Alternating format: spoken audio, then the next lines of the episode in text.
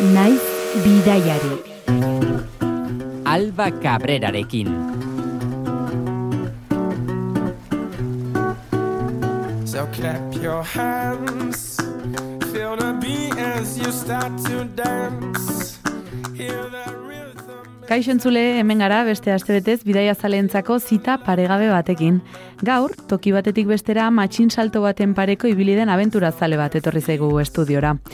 Orain bi bat urte gutxi gora bera, pergarako betiko lau lagunek, hemen goguneroko alde batera utzi, motxila hartu eta elkarrekin bidaia bati ekin zioten. Bain justu, kuadrilla horretako kide bat hemen da nirekin, horren berri emateko. Nerea Mujika, arratsaldeon zen mauz? Kaixo, arratzaldeon, primeran dazu. Ondo, zuentzuteko prest? Zarria berotu aldezu, Bai, bai, hortan gabiz. abentura guztia kontatzeko. Nerea, e, apur bat e, gaian kokatzeko, ze momentutan harrapatzen zaitu pixka bat bergaratik ateratzeko behar honek edo bidaia bati egiteko beharrak? Kontekstuan gutxi gora bera, nik e, karrera bukatu berri neuan, momentu hartan, medikuntza ikasi negan, da sei urte eta gero, bueno, bukatu eta pixkat e, aire fresko biharra neukan, edo aldaketa biharra neukan, eta, bueno, olako mila faktore elkartu jaten batera, eta, eta horrera baki neban kanpora juteko biharra neukala. Gainera, e, okerrezpan abil medikuntzako ikasketen bosgarren edo sigarren mailan ez nago ziur. Bosgarren. Bosgarren mailan, Brasilera joatekoa zinen, e, Bai, ikasketa hori da. programa batekin, Bai. eta pandemiak zapuztu gintzuen. Bai, izan nire ametsa. Gainera nindoian ere lagun honenetariko batekin, gindoia zen bisok Brasilera, eta pandemian ondorioz ezin izan ginen jun, orduan, bueno, hor geratu jaten arantza txiki bat bezala, eta horrek behera egin zeban, klaro. Brasileko bidaiari uko egin behar izan da, ikusi zenuen behin ikasketak amaituta, momentu oso aproposa zela bazure arlo profesionala eten, ez? Eta norabide, norabide zaldatzeko, ebintzat arnasaldi bat hartzeko. Bai, hori da, hori da. Ze esate zizuen etxekoek eta ingurukoek? Uf. bueno, a ber, ba, e, etan erabaki erresa izan, ez pertsonalki, ez azken baten inguruko presio danak afektatzen dutulako modu batera edo bestera, ez? Nik egisa da bastante garbi neukala eta suerte eukine ban nire inguruko danen babes eukine balako ere bai. Baina, baina bueno, esan erabaki makala izan. Eta inguruko askok ba hori galdetzen zoazten, jota, ez tozu mirra bihar, edo edo ez izango inoiz, edo entxe juten baldin basa iguale, ez dakit, hor lagako zu karreria betiko, eta sei urte ikasi oso, eta malgasta oin biozu, edo, bueno, ez, holako mi entzun behar zan itxo, baina... Baina entxe juntzinean. Bai, hor txo nintzen. Eta ez zinan bakarri jungaina. Ez hor suerte asko eukin eban. Nire, ba hori, kuadriako bizitza guztiko hiru lagun, ba suerte honez, nire bizitza oso momentu antzerakoan genden, irurok, laurok, karrera bukatu berri, e, pixkat e, aire berrixetarako goguekin, e, afinkatzeko gogo gutxikin, eta hortxe sortu zen gutxi gora bera, pandemia garaian be bai, kanpora urtetzeko ideia hori. Lauetatik zenek botazun proposamena nerea. Ba, ez dakit esaten ziur zein izan zen, baina esango ni izan itzela hasiera baten ideia garbi zen zeukan. Zukor dagoa bota eta besteak erantzun. esango nahi baietz, esango nahi baietz, baina, baina bueno, lauron burutapena izan zen, eh? Ba, sensazio hermetiko horri erantzuteko, urrutiko helmuga batera salto egitera baki zenuten beraz, amaiak, olatzek, garazik eta zuk zeuk nerea. Abentura berri ekiteko prest. Baino, ez zineten bakarri joan, bakoitzak ere motxila bat zeraman soinean. Eta hori xedain justu, e, aukeratu diazun objektua ez, e, gaurko Mhm. elkarrezketa ari ekiteko. Bai, hori da, bai. Izena ba aldauka lagun zarrorrek. Jo, ba, ez dauka izenik, baino personalidadia eta historia eta bizitza kriston. Zure sekretu asko aldakizki. bai, gutxi gora bera danak. Nere bidei lagun printzipala izan da, eta simbolo haundixa. Tarteka ere ez buru usteak ekarri izkizu. Hiru aldiz, zehazki aportu jat, gainera modu oso, osa toki oso esaktotatik, behin urten jaten hortik kaltzetin bat, e, beste baten urten, bueno, danetik. Eta hasiera baten lagun batek behin josi sostan, bere soka batzukin, gero apurtu zan berriz, ni hasi nintzen ere ari batzukin lotzen, bueno, bukatu zeban gaixuak, Madrileko barajaseko aireportura heldu, eta intzeban krak betiko, Bidaia, bukatu zenuen bezain pronto puskatu zen? bai, simboliko, Oso simbolikoa. bai. Galetu behar nizun, orain zurekin daukazu bergaran? hor dago, baina hortxe eskutuan, da pixkatxo bat nire diogenes sindromia. Ta, kontatu Baina- jazu nerea, ze, ze jauzitan edo ze abenturatan lagundu izu motxila honek, noruntz joko dugu garkoan? ba, a ber, nire bidaia izan gure bidaia, e, Txilen, hasi.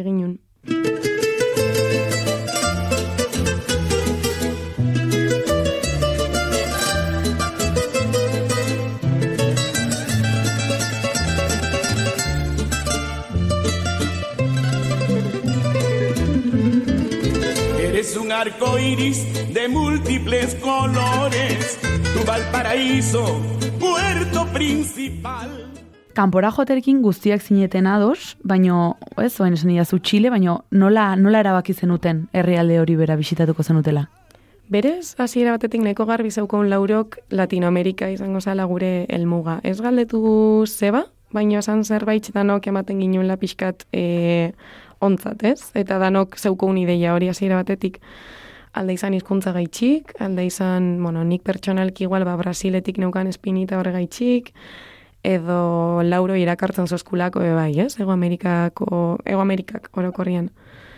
Eta Txile, ba beira, gure asmo originala, hasiera baten Kolombiatik hastia zan gero hegoaldera arte heltzeko, baina bueno, ekonomia dalata begiratzen egon ginen egazkinak eta Txile zan merkien ematen zebana da, bueno, aldatu ginen e, norabidea. Orduan agasiko ginen hegoaldian eta iparraldian bukatu. Printzipioz. Printzipioz. Printzipioz. Eta haze sortea ez, nerea, e, bapatean, zu, zure burutazioz ez, edo zure beharretik en, bidaia potolo bat egiteko goga sartzen zaizu, eta aranon zure hiru txikitako lagunek ere ideia bera daukate buruan bueltaka. Bai, bai, egisa da dela suerte bat. Bidaian ziar jende asko ikotatzen jaun gure, gure, bueno, momentua eta gure egoera, jende asko kesoskon sinisten. Eta bai, bai, izan da kriston suerte, azkenian ez dakit olako bidai potente bat itxia, olako jauzi handi bat itxia, zure betiko lagunekin, ba, askoz konfiantza gehiago ematen dutzu, eta askoz, ez dakit, bueno, niretzat kriston altxor bat izan da. Joateko bidea erausi zenuten, txilera, Bai. merkeena ba, ara joatea zelako, bueltakoa, itzulerakoa, Euskal Herrira bueltatzekoa baltzen eukaten. Ez, inok. Inobesek. Eta baltzen eukaten buruan gutxi gora bera balin bada ere noiz egingo zenuten buelta. A ber, hasiera baten esaten ginen danok sei hilabete inguruko bidei bat izango zala. Nik sinisten neban, baina, bueno, etzan realidade bat izan inontzako. Guztiak gehiago gelitu zineten. Bai, Itzulera momentu berdinean egin zenuten edo eta bakoitzak berea. Ez, ez, bakoitzak bere bidaia sortu zeban gero hasiera komun hortatik, eta lehenengua, garazi, itzuli izan gutxi gora bera behatzi hilabetetara, beste bisak urte betera, gutxi gora bera, eta, bueno, azkena ni, I, hogei hilabetetara, Ia bi urte. isa bi urte. Hasiera baten, hasi ginen lauro batera, gutxi gora bera lehenengo lau hilabetiak izan ziren batera batera ginunak. Baina hori bai, danok zeukun argi, bakoitzak bai bere burutapenak zeuzkala, bere ametsak, bere, bere bete beharrak, eta bere helburuak, ez? Bidai honekiko orduan garbi zeukun momentu bat eltzen zanean, norbaitzek nahi baseban aldein, edo, bueno, bakoitzak bere norabidea zebala topau. Eta holan izan zen. Bueno, ba, behin elkarrizketan ez, doinu eta neurria adostuta, guazen kokatzera 2008 bateko azaroaren erdialdean ez, gutxi gora bera. Bai, azaruak amazazpi. Azaroak amazazpian, bergarako txikitako lau lagunek abioia hartu zuten, Txilen Santiagon lurra hartzeko.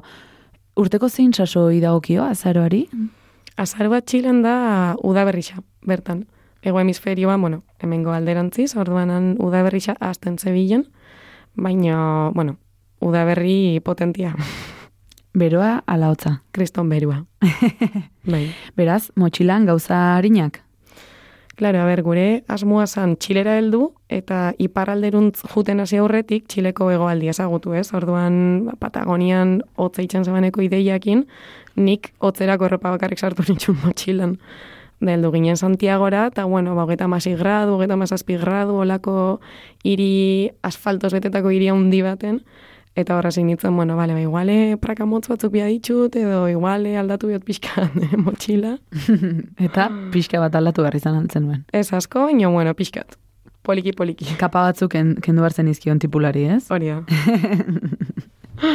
Hori da. Lau pertsonan ere nor bere fantasiekin, nor bere proiektziokin, beldurrekin, eta baldintzekin.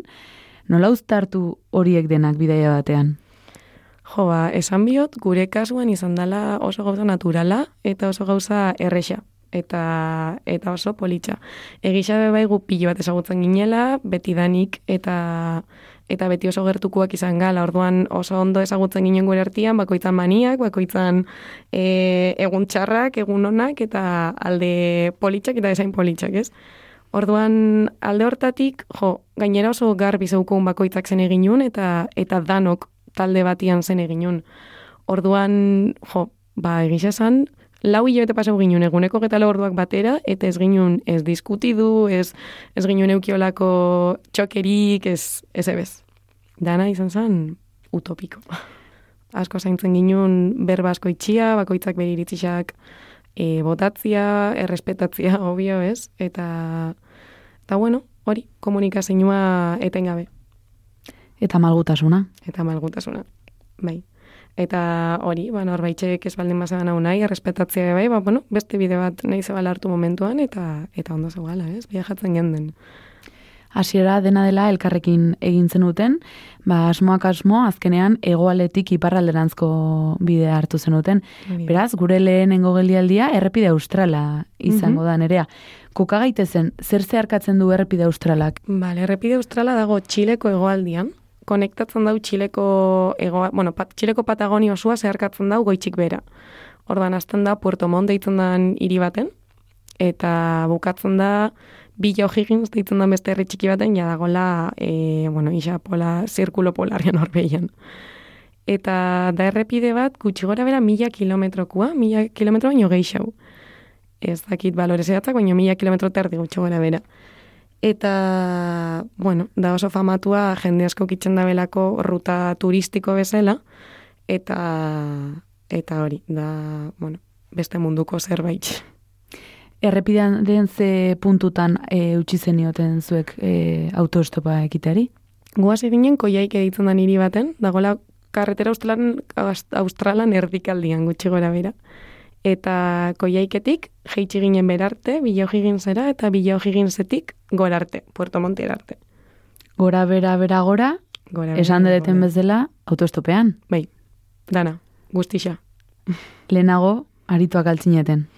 Ni bai, baino, bueno, bai, danok ibili ginen, ibilitza genden, baino ez askotan, eta ez modu ontara. Gure garraiatzeko modua zan. Eta modu ontara esan duzu, ze modutan egiten zenuten autoestop. Bueno, kasontan jartzen ginen laurok, errepide ertziar, karo, gure motxilekin. Eta, ba hortxe, e, atzamarreta eratzen, da normalian toki estrategikoak hartzen ginen. Ba, igual autobus geltokixak, edo irixen, edo herrixen irteerak, sarrerak. Eta, eta horrela, normalian geixenetan, e, lauroi batera ez oskuen hartzen, orduan bita bijuten ginen, inoiz ez bakarrik eta eta beste kaso bastantetan lauroi batera hartu zozkuen be bai. Haze zorte? Bai, bai. Jende askok egiten aldu autoestopan. Ba, beira, Txilen ez neban esango hain-hain oikua danik. Beste lurralde batzutan bezala. Ez neban esango lan mundu guztiak itxan da benik. Baina kamionero pilo bat dare. Hor, Txilen goitxik bera arte zeharkatzen da ben kamioilari pilo bat dare, eta geixenetan horrek hartzen zozkuen. Eta momentu batean sentitu altzenuen edo altzenuten, uf, honetan behar bada ez nintzateke igoko. Jo, ba, ez askotan. Igual pare bat aldiz bai esatezula, jo, mm, ez dozta irakartzen geixegi honekin bidaiatziak sortzi ordu, orduan, ba, ez ez tranquil. Baina ez da izan, ez da izan normala, eh? Horrelakoetan ez ezkoa eman eta aurrera. Bai, listo, ez dugu arazorik eukip. Eta ba, baltzegoen momenturen bat, ez? E, aurrera eta aurrera egin, eta kotxeak agertu ez, edo kotxeak gelditu ez. Bai. Adibidez, auki ginen momentu bat, amaia eta biso geratu ginela, e, hor, bilo zetik gertu, hor, egoalde egoaldian, sortzi ordu egon ginen zubi baten, tabanos betetako zubi baten zain, eta kotxiak pasau, eta pasau, eta pasau, eta inoak esoskun hartzen.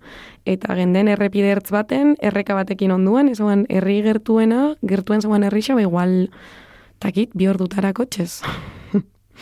Eta, Mos- inor pasa altzen. bai, bai, suerte hoki ginen azkenian, da gizontxo batek hartu zuzkun.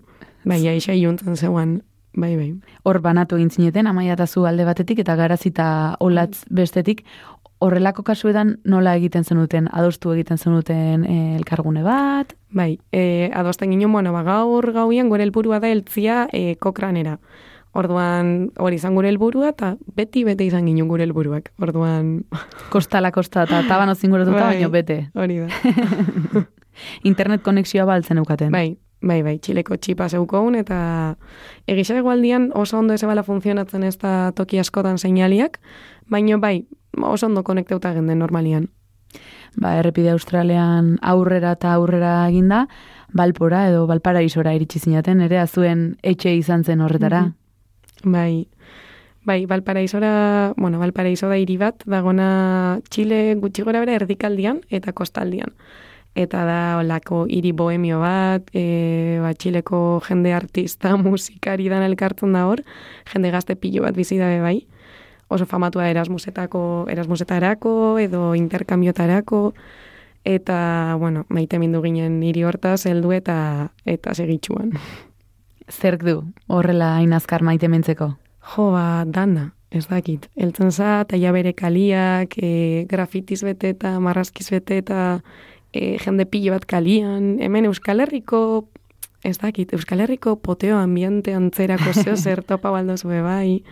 E, eskaera kultural pilo bat, kontzertuak, e, kaleko artia edo zintokitan.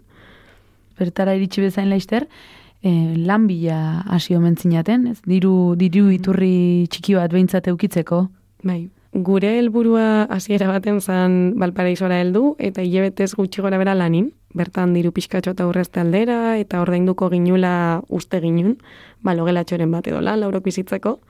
Eta bueno, heldu eta konturatu ginen e, ezetz, ezala bape biablia, eta alde batetik, azteko lan topatzia ezalako ainerrexa ez da, eta gero bal, alokairuak ez erelako bape merke, eta ezalako reala.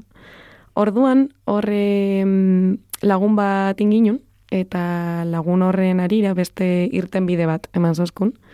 Zala voluntariotza, bueno, voluntariotza mundura e, eruan zozkun, gure lagun honek. Eta zer da voluntariotza mundua gure entzulentzat? Bale, ba, a ber, Latino, o- Ego Ameriketan behintzat voluntariotza mundua geixen bat mobitzen da hori, lan voluntario, lan voluntario baten oinarritzen da, zuri ez dotzue ordaintzen, normalian ez, ez dozu soldatapeko lan bat itzen, baina e, zure lanan truke ematen dotzue e, ostatua, bueno, oe bat, logela bat, eta jatorduak, edo, bueno, beste, edo zer eskaria. Batzutan lavadora, edo beste batzutan igual e, e, garagarduan merkealdixak, holakoak. Orduan normalian lau ordu, bost ordu inguruko lanak die, eta eta hori horren trukera zare bertan bizitzen.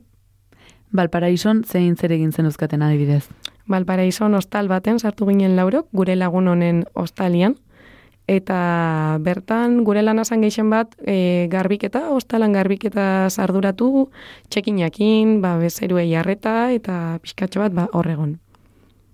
Behin mundu hori irikita, e, gerora ere, beste hainbat tokitan voluntario lanetan ere aritu izan zineten, ostatu hartzaren trukean, en ze zeregin mota ere egitera iritsi zara, nahiko kuriosoa komedira gainera, ez? Aipatzeko. Bai, bast- bastante. A ber, ba, az, voluntariotza pilo bat inditzugu azkenian, holan e, esan esango nitxunak, ba, Kolombian e, oianian egonitzen bambuko eraikuntzako olako mm, etxe, etxalde baten, eta bambuzko domuak eraikitzen egon ginen. Beste baten, ba, Ekuadorren adibidez herri txikitxo baten egonitzen ingleseko klasik emuten bertako umiei eta helduei. E, beste batzutan ba, azoka baten e, bertako janari, bueno, bertako sukalde baten lanian, edo Kolombian Karibeko kostaldeko herri txiki baten behin txerri bat paseatzietoko baten be bai. Wow. Eta bai. Nola topatzen dituzu horrelako voluntariotzak? Normalian, e, Facebooketik, Facebooketik talde pilo bada ere, ez? Ba, voluntariados en Colombia, ero, voluntariados en Peru. Zuzartzen za, da horra gertzen jatu pilo bat, askotan kontaktuak eskatzen dotzue, eta zuzenian. Gero aplikazioak bai dare, e, Workpackers eta Workaway bezalakoak, eta neri geixen bat Facebookak bali izan dozta, eta hau hau. Ba, ezagutzen duzun gentia igual bertan egon dana edo, ba, ba hortik. Jende askok parte hartzen aldu voluntariotza sareetan. Bai, pilo batek. Bai, bidaiatzeko beste modu berri bat deskubri du ginen horrekin, bai. Merkeagoa. Bai, noski. Ba, behin, ez? E, bidaiatzeko modu merkea, merke hau deskubrituta, eta behin txilen egon kortuta, laurok elkarrekin titikaka aldera jotzea erabaki zenuten, hain justu, ba, Peruk eta Bolibiak partekatzen duten e, laku magiko hori ezagutzeko, eta ondoren, leno ondo aipatu dezun bezala, banatu egin zineten. Ba, gutxi gora bera horre titikak alakoan egon ostian, kuskora heldu ginen. Eta, bueno, hor bakoitzak erabaki ginun bide desberdin bande ginula jarraitu. Eta bik erabaki zeben euren momentuko, bueno, lagunekin edo, edo romantziekin jutia hortik. E, garazi Kolombiara juntzan zuzenian eta amaia Peruko kostaldera juntzan. Eta olatzeta bisok, bertako beste lagun kuadria batekin, e, e, Peruko Amazonasera joan ginen. Ikito zeruntz. Itxasontzi batean igo behar omen du orain zehatz mehatz, Brasil, Kolombia eta Peru elkartzen diren puntara jotzeko. Hori da, bai. Bai, Perun hartu ginen ikito zen, barko kargero enorme bat, eta bertatik, Amazonas ibaitik sartu ginen, bueno, gau oso bat izan, za- egun bat izan zan gutxi gora bera bidaia, eta bidai horren ostian heldu ginen Letiziara, dala, bueno, e, frontera triplia, ez? Hortxe elkartun di Amazona, eh, Brasil, Kolombia eta Peru. Ikitosera ezin omen da, e, lurretik iritsi. Ez, ez, heldu iza itxas, itxasos barkatu, e, errekaz, barkuz, edo egazkinez. Eta zuek nola egin zenuten? Ikito zerago egazkinez heldu ginen. Eta gero itxasontzi hartu. Eta gero itxasontzi hartu, bueno, itxasontzi barko kargero hori e, letiziara, bai. Nolako barko kargeroa da irudikatzeko guk. Jo, ba, da pelikuletako barko enorme bat, olako barko kargero handi bat, motor batekin, bueno, etaratzen zebala zarata bat, e, jende pillo bat, barruan karga pillo bat zeuken, nik ez noan ikusi ze, kar, ze eruaten zeben, baino karga asko zeuken eta jentia be bai, garraiatzen zeben. Jendeak erabiltzen du garraio bai, gisa. bai, bai, azkenian hor barruan herritxo pillo bat inkomunikauta dare bakarrik erreka bidez heltzen die. Orduan jende pillo bat sartzen da horra, normal, normalena amaka batekin jutia da. Orduan engantxe batzuk dare hortxe, eta eurak engantxatzen zeben euren amaka, eta bertan gau osua pasau edo eguna. Eta, eta horrela, oso esperientzia politxe izan zen. Gau aigaro altzen duten. Bai, Eta lo ezinean. Ez, ez, ez.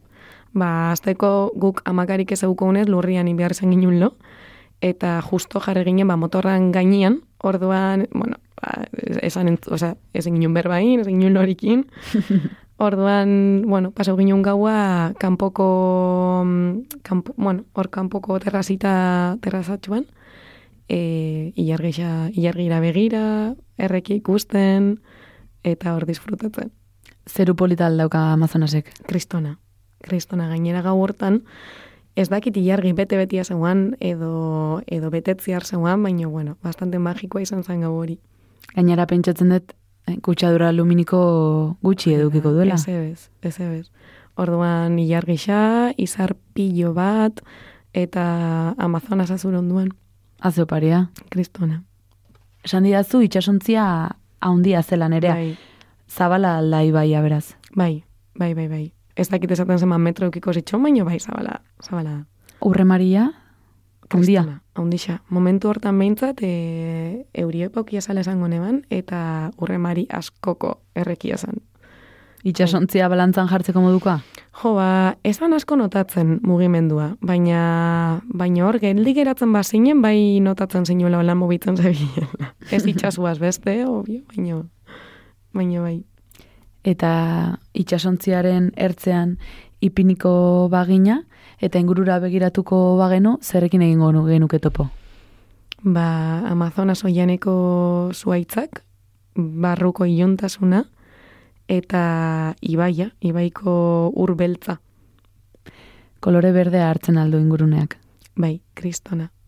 Eta da berde intenso bat, olako berde, ez dakit, berde tonalidade desberdin bat, hemen Euskal Herrixan ikusi ez dutena. Bizia, Bai, oso. Animalien soinuak entzuten altziren. Bai, bai, bat, txori pilo bat, pilo bat, mota ezberdinetako txori desberdinak, eta tximinuak, mm, entzuten ziren mono, monos aulladores deiton dienak, ez dakit euskerako itzulpena, eta die tximino batzuk sartzen dienak oian barru-barrura, da bertatik itxen da bela olako zarata berezi bat, eta noizian behin entzuten ziren. Eta ikusi? E, momentu hortan ez nitxun ikusi, nik beste toki baten ikusi nitxun berandu hau, baina momentu horretan ez. Ba, tximu hauen horroen artean eta ilargi betearen azpian iritsi zinaten Letiziara, iritsi aurretik bide gurutze bat omen da ez, e, adar bat Kolombiara joateko eta bestea Brasilera. Eta zuek nora, ezkerrera eskuinera. Hori dago Kolombiara. Zuek Kolombiara. bai. Eta zer dauka Letiziak berezitik, horraino modu horretan iritsi nahi izateko. Letizia, bueno, da Kolombiako Amazonas departamentuko kapitala, eta da, bueno, herri txiki, bueno, herri, ez, hiri bat da, dagona bertan, eta jo, oso politxa. Holan isolatuta dago, orduan bere, bueno, bere berezitasunak dauzka, eta da Amazonaseko oian barru-barruan, olako oasi bat izango balitz modura. Nola izan zenuten oasi horren berri? Jendia ezagutu ginen, bidaian, e, bidai berdinain zebela, baina alderantziz. Letiziatik etorri ziela ikitosera, barkuz, eta beste batzuk Manaosetik, Brasiletik etorri ziela Letiziara be bai. Eta euren esperientzia entzun ginen, da esan ginen, bueno, hori inbio, bai. Probatu behar. Proba bio, Manaos eta ikitos dira hortaz e, konexio puntu zuzenenak. bai. Bueno, Manaos Brasiletik hori da, eta ikitos Perutik. Bertakoak beren beharrak asetzeko nahikoa baliabide ba aldauzkate. Edo eta ba, ikastera edo beren osasun beharrak asetzera kanpora jo behar aldute ba aldakizu. Ba, egisa esaten motzut, ez dakit ondo erantzuten galdera horri, baino jende gazte geixena hortik e, kanpora jungo juten da bai ikastera, bai, bai unibertsitate bizitzaitxera, lanera, inbiar badabe, ez? Amazonasen atea omen da. Bai, Kolombiako Amazonasen natia, bai. Eta turista asko erakartzen alditu beraz, ate horrek. Bai, bai, nahiko. Hor, e, itxen dituzte turrak bezala, e, Amazonas barrura sartzeko tur desberdinak, eta nahiko talde antolatutan sartzen die, batoki desberdinetako hostaletara, eta hor bizitzen dabe, bueno, ba, selva barruko esperientzia. Eta Letiziatik, Letizia atzean utzi eta nola, nola irten zinaten bertatik. Letiziatik kalira ginen egazkinaz. Hor egazkin hartu izan Kolombiara sartzeko bai edo bai. Eta, eta egazkinez ginen kalira, zuzenian.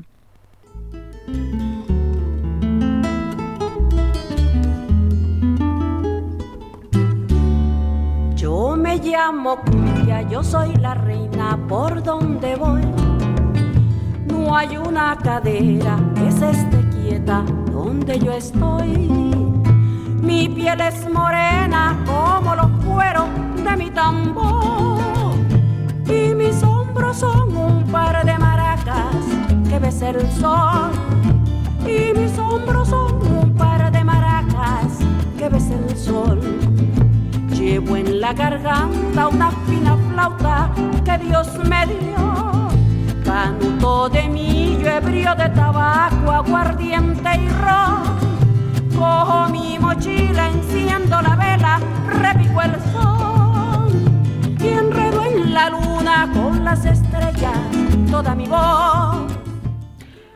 Jo me llamo kumbia du izena bestiak nerea. Bai. Kumbia asko dantzatu altzen duten. Joa, beira, kumbia asko ez. Geixa, usalsa eta baienato. Eta zergatik aukeratu Totola Moposinaren kantu hau. Ba, nik Totola Monposina ezagutunean Kolombian neuala, bueno, ez pertsona, baina Medellinen neuala bere kontzertu bat zegoen kalian, eta maite min nintzen. Berataz, bere hotxaz, bere tamborretaz, eta pasa honeban zei beste bentzuten. Zure bide lagun izan zen abestia. Bai, bai. Sei abete hauetan, hasieran lagun talde batekin sartu zinen Kolombian, baina zure bideak ordea aurrera segitu zuen eta bakarrik bidaiatzeri ekin zenion. Bai, hori. Bisitatutako toki guztien artean bada oso berezia zaizun bat, Bai. kapurgana. Mhm, Bai, Zure etxe izan zen bila betez? bai, bilebete osoz, bai. Nun dago kapurgana? Kapurgana dago, e, Kolombiako Karibe itxaso, bueno, Kosta Atlantikoan, Panamako mugan bertan. Kokatzeko Panamako mugara jumiga eta alde Atlantikora. Ego Amerika eta Erta Amerikako Bai. iztune horretan. Bai, hori da, hori da, gutxe gora bera hortxe. Eta, bueno, da paradixu bat, da oian tropikala eta itxaso, bueno, Karibe itxasuan fusino bat, eta da ustot bizitzan egon izan toki mm, impactantienetariko bat. Ez da irla bat kapurgana baino ematen du.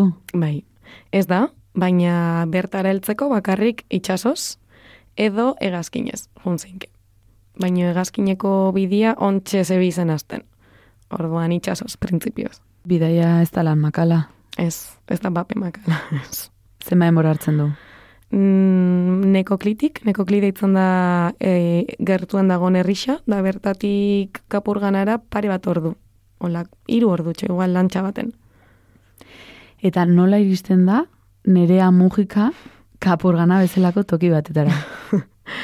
Ba, beira, bidaian jende bastante ezagutu neban, gomen dauz ostena kapurgana, eta berez ezoan ere planetan, jutia, baina azken, bueno, lagun batek esan zoztan voluntariotza bat itxen egon zala bertan, eta kontatu, kontaktu atzaukala, eta hainbeste inzosten ez berba kapurgana, eta zenan, bona, berba banoia, ikustera noia. Eta berez junitzen, amar amaik egun geratzeko asmuekin, ja voluntariotza bandaukalako finkatuta, eta bueno, ba, bile beten ostian hor jarraitzen eban. Zerbaitengatik. bai, Eta zerk e, erakarri zintuen bila bete hor gelitzeko. ba, tokixak berak, zeukan magia desberdin bat, ez dakit, arra pausostan guztiz. Bai, tokixak berak, bere parajiek, bere itxasuak, e, bertan, bueno, jende pilot ezagutu be bai, e, voluntaria bezala neuan ostal baten lanian, e, diru pixkatira bazten ebilen be bai, ordu ekstrekin eta, eta ban, bizitza bat itxena zein bertan. Zein zen zure zeregina, zein zen zure lana. E, neuan ostal baten lanian, momentu hortan, ba, nire lana betikoa, garbitzia, garbiketaz arduratu, eta e, bezairuei arreta. Eta jatordutan, ba, hori, ba, kamarera lanakin bebai, tabernatxo baten, eta hola esen. Turisten gidari ere. Bai, ematen zozten aukera e, ordu ekstrak sartzen banitxun, e, alnotzen ere ostaleko bezeruei eruan bertako toki paradisiako batera. Orduan diru pixkatxo bat ematen zozten horren truke. Osea, guia turistika bezala egotiaren. Egin guri ere ez, e, gida lanak, Bai. eta kontatu iguzu apur bat. E, zer ikusten da toki paradisiak horretan, erreka horretan. Ba, errekatxo bat da, da justo oian barrutik, barruko mendi punta batetik datorren erreka baten bukaera, ba, itxasoratzen da nien gutxi gora bera, eta sortzen ditu olako arrixetan olako forma batzuk, dare potzu batzuk e, bainatzeko, eta dago oian barru-barruan. Orduan, ordu beteko ibilbide baten ostian heltzen zinen, eta zan, bueno, paradisu bat. Ura fresko altzegoen. Bai, bai, bai. Itxasoko ura, baino askoz freskoa. Bainatu altzinen, beraz. Bai, bai, bai. Eta eramaten zenituen turistak ere behin barru-barruraino sartu omen ziren, ere Zer gertatu Bai, zen? Iso titanik bat eukigin. jo, bairuan itxun, bueno, bertan zonala potzu handi bat, eta balsa handi batekin pasau izan da, zanola, ba, la atrakzion del lugar. Eta balsan pasatzeko hiru pertsona zien geixenez, ba, momentu hortan genden sei, bat umia zan, eta, bueno, batek esan zaztan zeba, pasauko gazeirok. Nik onartu eta zira baten ezetzan nebala, baina esanean, bueno, Zergatik ez? Zegaitxik ez. Eta pasau ginen da, bueno, e, potzu erdi izan gendela, balsia hor e, ondoratzen hasi izan, e, bat uretara jauzi izan, nisokatik tiraka hor, e, bueno, bidixo bat hau grabauta, eta nahiko, Wow. e, bai. Horitzapen berezia eukiko dute gorreta. Berezia, bai, ondo pasau ginen, eh? eta narrizkutsu bat okisa, eta gero propina asko man sosten eurak, ordo. Ondo pasazutenen, seinale? bai, bai, hori bai. Zure etxe izan zen kapurgana bila betez, Bai. ba, lehenago saltoka ibili ondoren, bapatean ez, bilabeteko geldialdi bat egiten duzu. Nola sartzen zaizu geldialdi hori atxeen alde hori? Jo, ba, egisa esan izan zen inflexio puntu bat bezala nere bidaian. Ze ordura arte bainoan geratute igual hilebete bat geixenez, e, tokixetan, baina bakarrik ez. Orduan kapurganan heldu nintzen, ni bakarrik geratzera bi hilebete, eta, eta jo, momentu baten bai esan eban, jo, hemen daukat, dauzkat lagunak, daukat nire tokitxo bat, nire lana daukat, e, da paradixu bat, eta eta heldu nintzen pentsatzera toki honek harrapa guin biosta. Baina geldialdi hori, bon, oso ondo etorri jaten. Zen zan hausnartzeko puntu bat bebai, pixkat aber zen nahi duten lortu bidai honekin, edo nora nahi duten jun, zen iaz nebilen nun baitzen estabilizatzeko ideiakin, orduan izan pixkat, bueno, hemen ondo nago, baino jarraitxukot aurrera edo, edo ez. Eta ze gertatu zen? Jarraitxu neban aurrera. Aurrera. Bai. Ezakit, beste tokiren batean hor, eh, antzeko zerbait sentitu ezu, jo, hemen gustora gelituko nintzen bizitzen, hemen nire etxe bihurtuko nuke hau. Bai, ez jat asko gertau, eh? Bidaian zehar, baino bai, beste pare bat okitan, be bai gertau jat. Ekuadorren beste herritxo batzuan kapurganan antzasko zeukana, hor kosta pazifikoan monpitxe ditzen da, eta bertan hilebete geratu nintzen, hilebete eta piku, da horra be jung nintzen bostegunetarako asmoakin, da hortxe luzatu eta luzatu. Ekuadorreko esperientzia, bueno, bizipen nahiko elektriko batekin e, Bai. hasiko dugu, zergatik?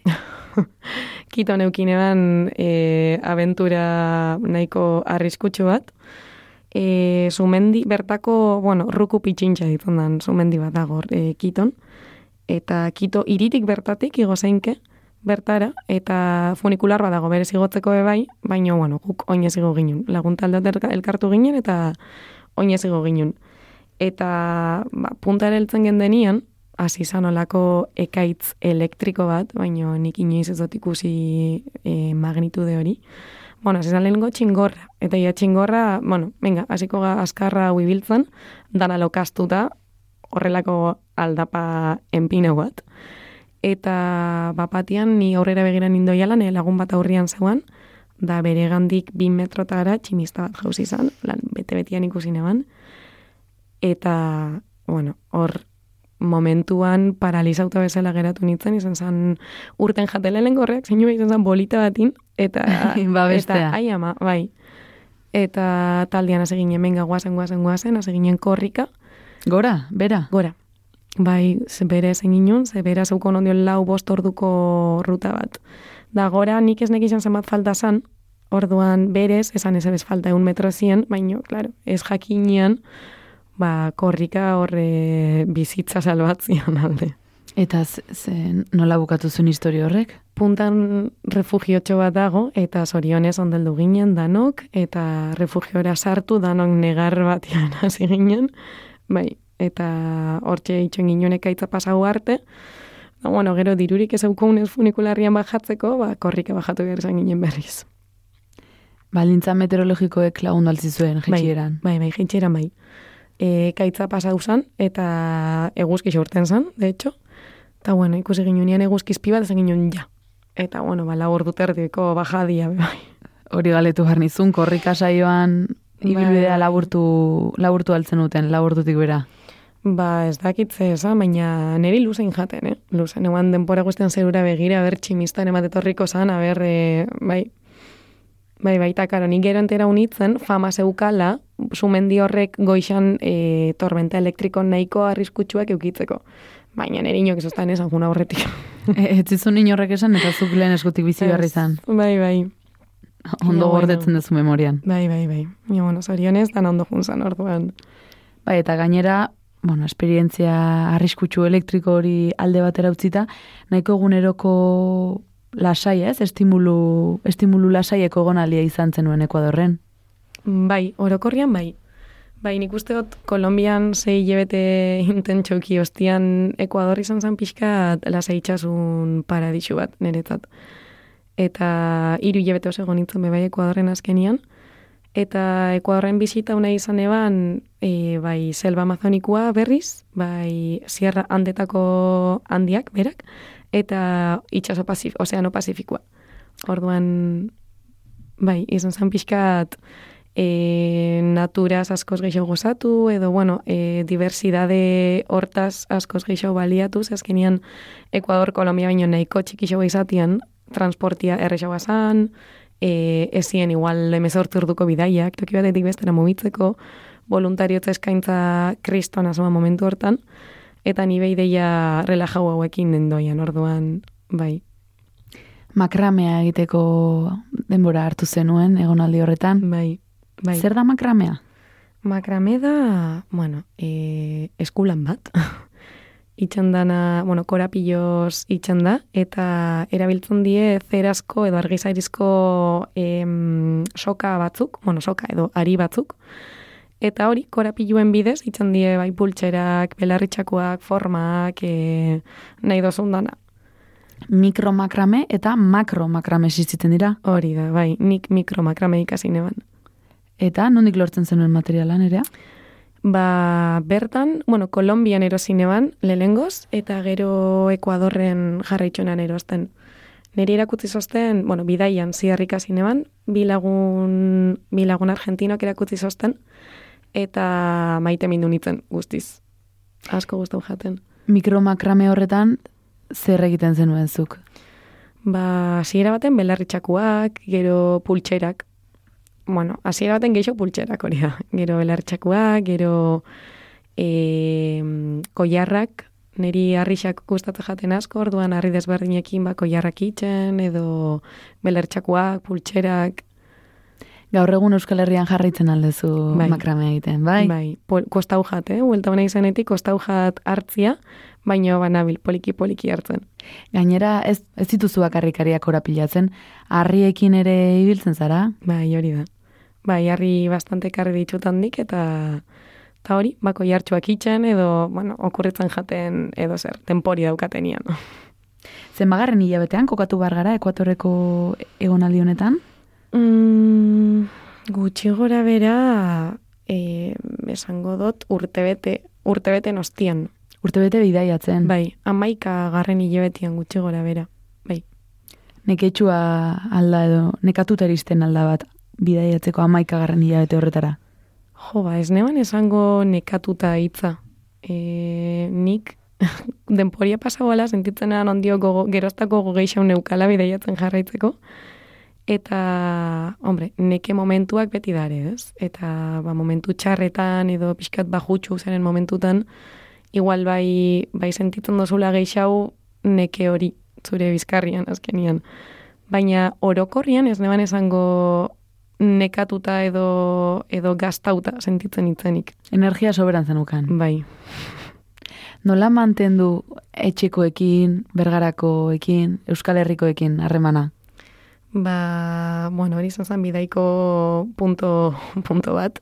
Ni WhatsAppetik eta WhatsAppakin eta teknologiekin ez naiz munduko abilena. Eta, mm, bueno, ni asko saiatzen itzen gertukoenekin mantentzen, familixakin, gertuko lagunekin, bai audio bidez, e, noizean behineko bideodei mm, nahiko gutxixak itzen. Baina bai, geixen bat hori audio bidez e, kontakta mantentzen, eta, eta bueno, ondo, ondo, oreka hori topatzen.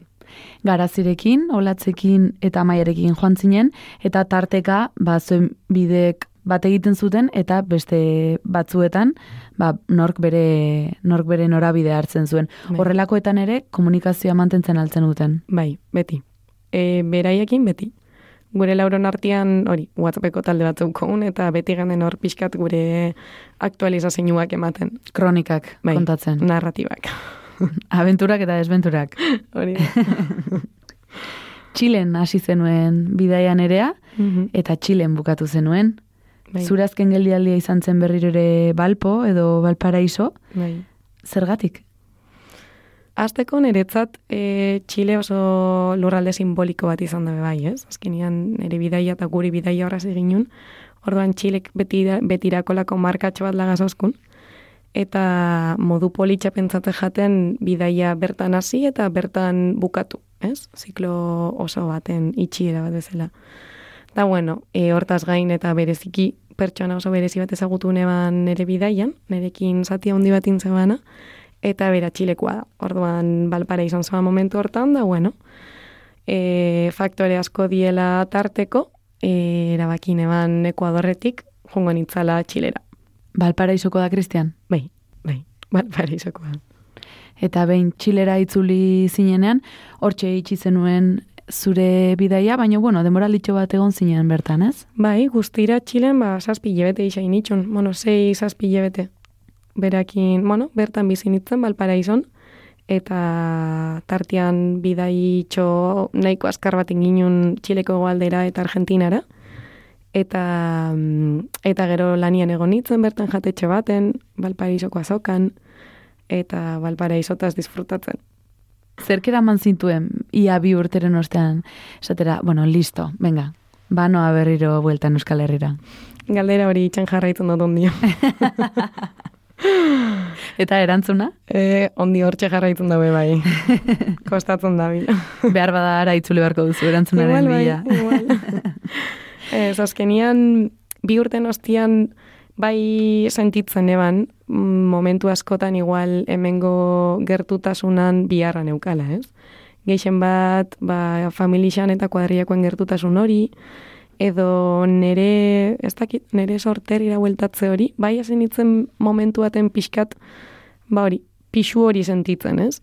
Eta, mm, eta bebai tontokeri bat eman aldau, ez? Baina jo, ba, nere espazio txiki propio bat eukitzeko gogoekin, gogo horrek bebai, pixkat e, pixu hartzen hasi izan. Ba, ez dakit, azken baten motxilia zan nere bizitzia, eta nere mundua, eta nere pertenentzia bakarra, eta ez eukitzia o ez da egonkor bat, edo logela egonkor bat, edo ez dakit gaur egon ba igual hemengo bizitzan geixegi baloratzen ez duten, edo ez dagun orokorrian ez, ba momentu hortan bai izan pixkatxoa pixatzen. Eta horra zintzen zaten jo, ba beire, igual, igual momentua da ez.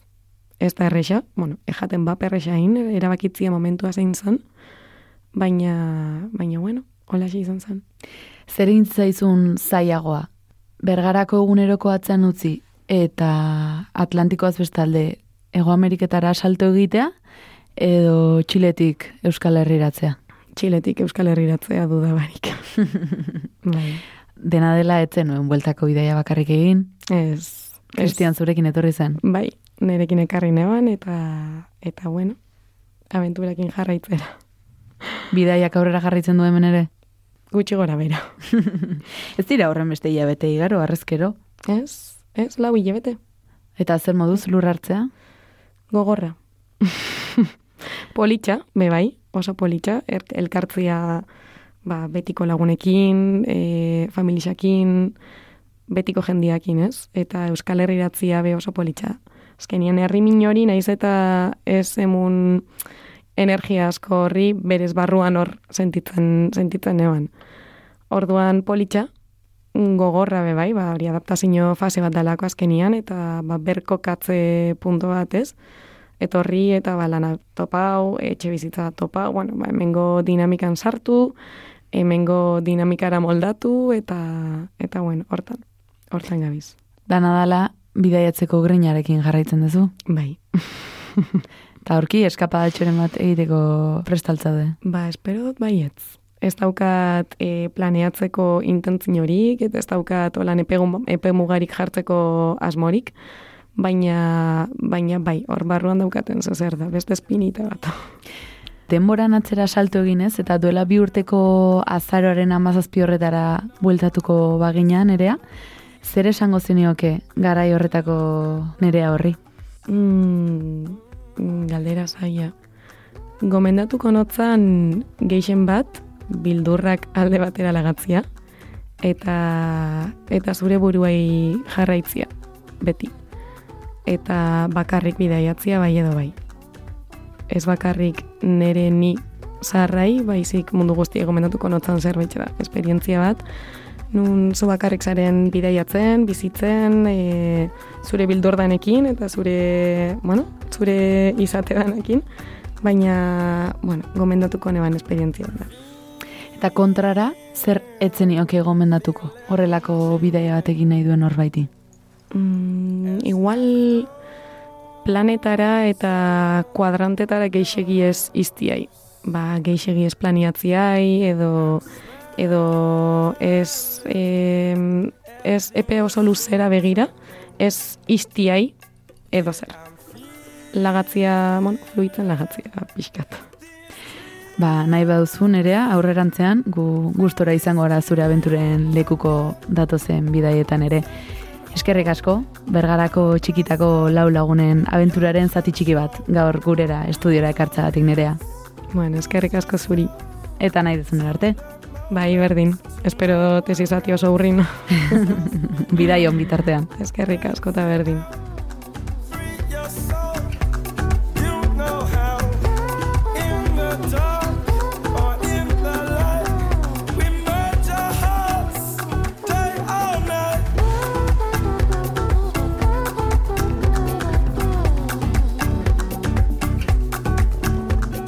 Denbora bukatu zegu entzule, baino badakizu, ba, historio gehiago kontatzeko irrikan garela. Beraz, hemen izango gaituzu datorren astean ere, arratsaleko seietan puntu-puntuan, eta noiz nahi noski podcast plataformetan. Bien bitartean, zuen esperientzia partekatu nahi badiguzu, idatzizazu, mezu bat, bidaiari, abildua naiz irratia puntu elektronikora. Eta antxe izango gaituzu, beti bezala, besoak zabalik, zuek entzuteko prest. Mi esker, eta datorren asterarte. Aio!